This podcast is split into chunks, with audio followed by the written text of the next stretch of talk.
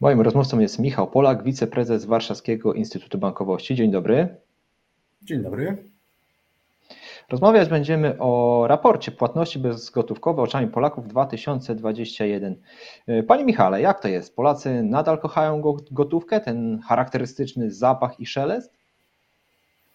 Ja myślę, że tak naprawdę już od kilku lat, kiedy prowadzimy to, to badanie mm, płatności bezgotówkowe oczami Polaków, te tendencje są e, jednoznaczne z korzyścią na rzecz obrotu bezgotówkowego. Chociażby z tegorocznego badania wynika wprost, że jako tą najpopularniejszą i najchętniej wybieraną e, formę płatności e, Polacy w blisko, blisko 80% wybierają płatność kartą, płatność urządzeniem czy zwykłe przelewy internetowe.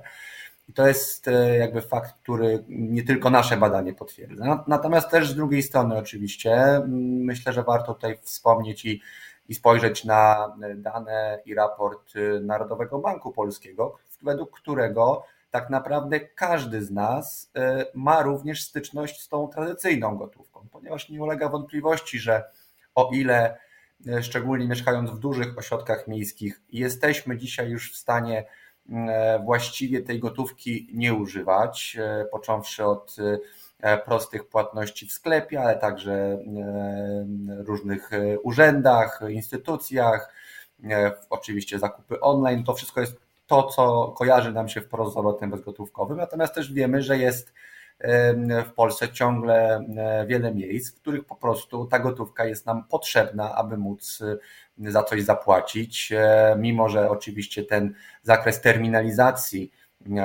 Polski, między innymi za pośrednictwem Fundacji Polska Bezgotówkowa, ale także licznych organizacji płatniczych przebiega dosyć dynamicznie, to jednak nadal e, tych białych plam e, płatności nie brakuje.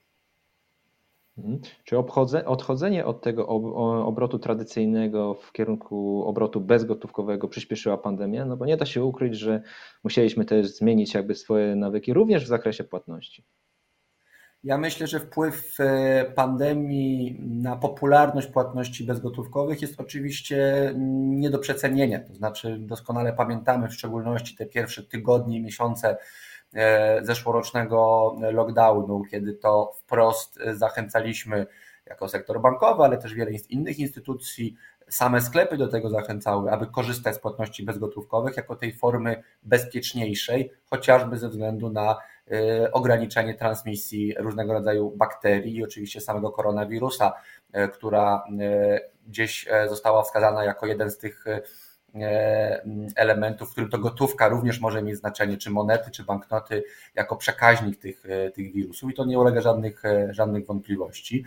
Natomiast też musimy mieć taką świadomość, że to przekonanie, przynajmniej jeżeli mówimy tutaj o, o polskim rynku i o polskiej rzeczywistości do płatności bezgotówkowych, miało miejsce już na sporo przed samą pandemią dzięki dobrze przygotowanej infrastrukturze, dzięki temu, czym szczycił się e, polski sektor bankowy, między innymi w zakresie e, właśnie nowoczesnych płatności, chociażby e, Blika, chociażby aplikacji mobilnych, szeregu rozwiązań, które nie tylko zostały wdrożone, ale także zyskały dużą popularność wśród, wśród użytkowników.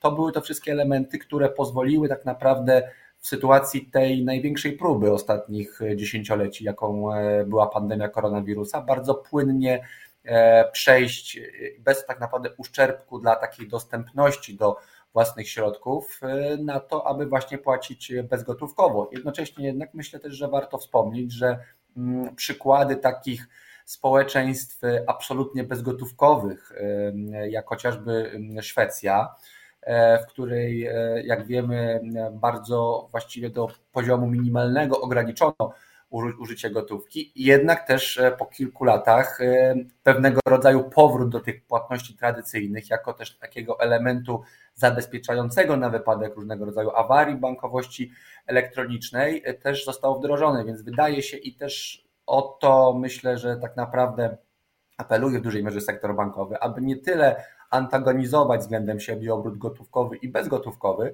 tylko po prostu zapewnić e, faktycznie Polakom dostęp do e, obu tych form e, płatności, do wyboru tych form płatności, tak aby można było samemu wybrać, czy w danym momencie chce się zapłacić gotówką, czy jednak skorzystać z którejś z tych nowoczesnych form płatności. Na początku wspomniał Pan, że jeszcze na mapie Polski są takie białe plamy. Z czego one wynikają? Czy to jest właśnie kwestia infrastruktury? Ja myślę, że przede wszystkim infrastruktury. Oczywiście mm, dużo też w tym zakresie się, się zmieniło i to mm, nie tylko za pośrednictwem sektora bankowego. Natomiast doskonale wiemy, że mm, jest e, po pierwsze e, ciągle kwestia, e, nazwijmy to, infrastruktury teleinformatycznej, szeroko, szeroko pojętej, która jednak wpływa na to, że w niektórych miejscach, w niektórych regionach, zwłaszcza małych terenach wiejskich, no ciągle jednak problem z tym E, dostępem chociażby do szerokopasmowego internetu jest, co oczywiście także wpływa na, na to, mm, że te korzystanie z tych płatności bezgotówkowych e, jest mniej dostępne. To po pierwsze, a po drugie też coś, co dla nas jako fundacji, która bardzo mocno jest zaangażowana w różnego rodzaju programy edukacyjne, to jednak również kwestia świadomości e, samych użytkowników, świadomości tego, w jaki sposób z takich płatności się korzysta.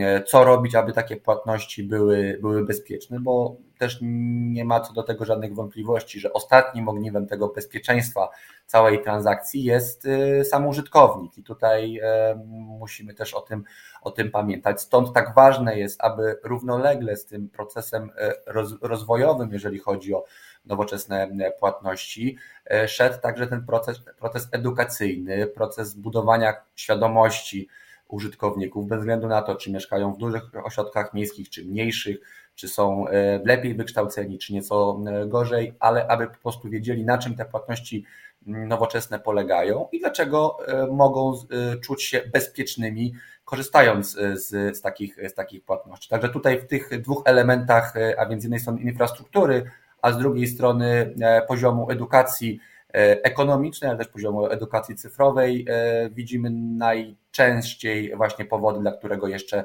e, są te takie miejsca, chociażby w naszym kraju, gdzie mm, z tymi płatnościami bezgotówkowymi sytuacja jest mniej obfita, powiedzmy. No właśnie, czy to oznacza, że część Polaków nadal uważa, że płatności bezgotówkowe są bardziej niebezpieczne niż te tradycyjne? Ja myślę, że absolutnie tak. To znaczy, nie ulega wątpliwości, że dla części e, mieszkańców naszego kraju e, jednak takie przywiązanie do tej tradycyjnej gotówki, e, coś, co im towarzyszyło przez całe życie, że nie wiem, w małym sklepie w swojej miejscowości, czy, czy u, u szewca, u, u, u jakiegoś innego rzemieślnika po prostu płacili, płacili gotówką. Też ta gotówka krążyła gdzieś, gdzieś, gdzieś w rodzinie, no to wszystko y, jest, jest element wieloletnich tradycji i, też takiego przywiązania właśnie, o którym, o którym powiedziałem. Natomiast też myślę, że y, dane pokazujące właśnie jednak pewnego rodzaju wzrost y, aktywnych użytkowników bankowości elektronicznej w dobie, w dobie pandemii, o czym już pan redaktor wspomniał, jednak pokazuje, że stopniowe przełamywanie tych barier następuje. My to bardzo mocno widzimy chociażby także wśród seniorów, tak, osób powyżej 65 roku życia którzy tak naprawdę musieli przejść e, największą przemianę w dobie pandemii, ponieważ no, pamiętamy te akcje e, społeczne zachęcające seniorów do pozostania w domu, no to tak naprawdę często ci, którzy oczywiście mieli taką możliwość, a wcześniej tego nie robili, no, musieli nauczyć się korzystania z bankowości elektronicznej, z aktywnego dokonywania przelewów, czy także załatwiania różnego rodzaju spraw urzędowych.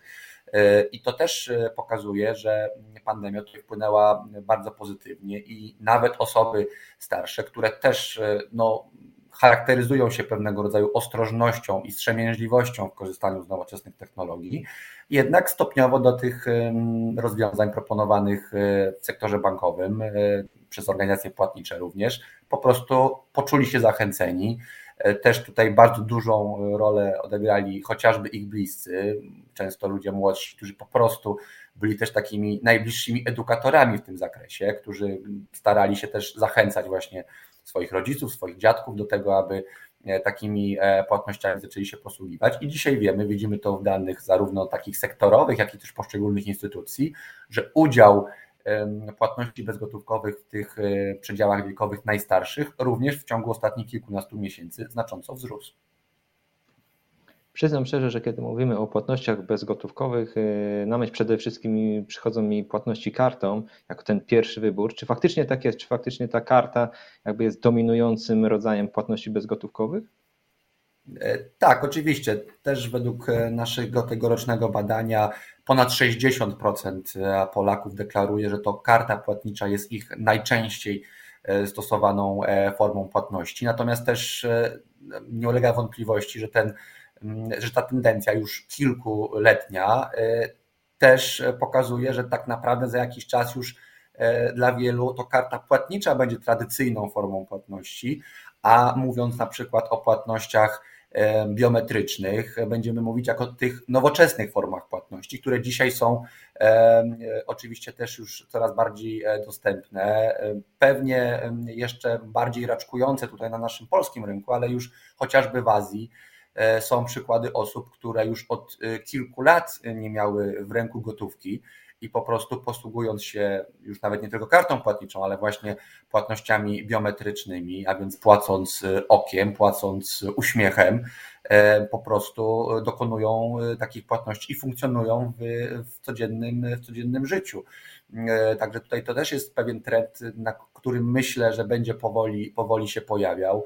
E, też tak naprawdę młodzi klienci banków, którzy dzisiaj wchodzą E, do tego życia ekonomicznego, też już właściwie e, będą od początku wzrastać ekonomicznie w tych nowoczesnych formach płatności, więc e, dla nich też oczywiście korzystanie z gotówki ciągle gdzieś tam jest, jest w tle, ale widzimy, że chociażby popularność płacenia za pośrednictwem aplikacji mobilnych czy płatności urządzeniem, chociażby zegarkiem, też wśród młodych klientów rośnie i też myśl, wydaje nam się, że może być coraz bardziej e, dominującym trendem. Ale też e, myślę, że na pewno pozycja karty płatniczej jako tego najpopularniejszego e, środka płatności w naszym kraju jeszcze na pewno przez tych kilka najbliższych lat będzie, będzie niezachwiana. Natomiast ten dystans między właśnie na przykład kartą płatniczą a urządzeniem naszym zdaniem może się stopniowo zmniejszać propagujecie rozwój y, operacji bezgotówkowych, to na koniec pytanie, dlaczego? Dlaczego to jest korzystne rozwiązanie? My przede wszystkim, tak jak już powiedziałem na wstępie, zachęcamy do, do płatności bezgotówkowych, e, nie antagonizując absolutnie też tego obrotu tradycyjnego. E, przede wszystkim z dwóch, e, z dwóch czynników. Po pierwsze, czynniku ekonomicznego, nie ulega wątpliwości, to jest też potwierdzone licznymi analizami i statystykami, obrót y, bezgotówkowy jest po prostu tańszy, jest tańszy dla gospodarki. Utrzymanie tego, tej infrastruktury y, jest, jest tańsze. Jeżeli na przykład spojrzymy na obrót gotówkowy i koszty związane chociażby z transportem, zabezpieczeniem gotówek y, w różnego rodzaju miejscach, bankomatach, ale też, też w innych miejscach, no to też są określone, określone koszty i to jest coś, e, z czym, e, z czym trudno dyskutować, więc to jest ten czynnik ekonomiczny, a po drugie też czynnik e, technologiczny, myślę, że należałoby tu wskazać. A więc to wszystko, co wydarzyło się, jeżeli chodzi o bankowość elektroniczną w Polsce przez ostatnich kilkanaście lat, tak naprawdę było forpocztą tego, co dzisiaj nazywamy cyfryzacją, tego, co dzisiaj nazywamy budową gospodarki elektronicznej, budową e-państwa. E, doskonale pamiętamy e, to, jak dzięki doświadczeniom i współpracy z sektorem bankowym udało się administracji publicznej bardzo sprawnie włączyć systemy związane chociażby z obsługą wniosków 500, 300. Ostatnio również z M-Obywatelem. To wszystko oparte jest o doświadczenia sektora bankowego, oparte o infrastrukturę e, sektora bankowego i nie ma wątpliwości, że gdyby nie decyzje i, i kierunki wyznaczone kilkanaście lat temu w sektorze bankowym co do rozwoju bankowości elektronicznej i całej tej infrastruktury teleinformatycznej, e, no dzisiaj e, ten poziom rozwoju całego naszego kraju w, w, tej warstwie elektronicznej byłby zupełnie inny. Także to też e, myślę, że trzeba właśnie na ten wątek technologiczny zwrócić, zwrócić uwagę, a oczywiście myślę, że pozycja E, polskiego złotego jest e, absolutnie niezachwiana i to zarówno polskiego złotego rozumianego jako mm, e, ten pieniądz elektroniczny, pieniądz, który krąży pomiędzy naszymi kontami, pomiędzy naszymi aplikacjami bankowymi, czy właśnie za pośrednictwem terminali płatniczych, ale również tego polskiego złotego rozumianego tradycyjnie w formie banknotu czy też monety. Tym przekazem kończymy dzisiejszą rozmowę. Michał Polak, wiceprezes Warszawskiego Instytutu Bankowości był moim rozmówcą. Bardzo dziękuję za poświęcony czas. Bardzo dziękuję panie redaktorze.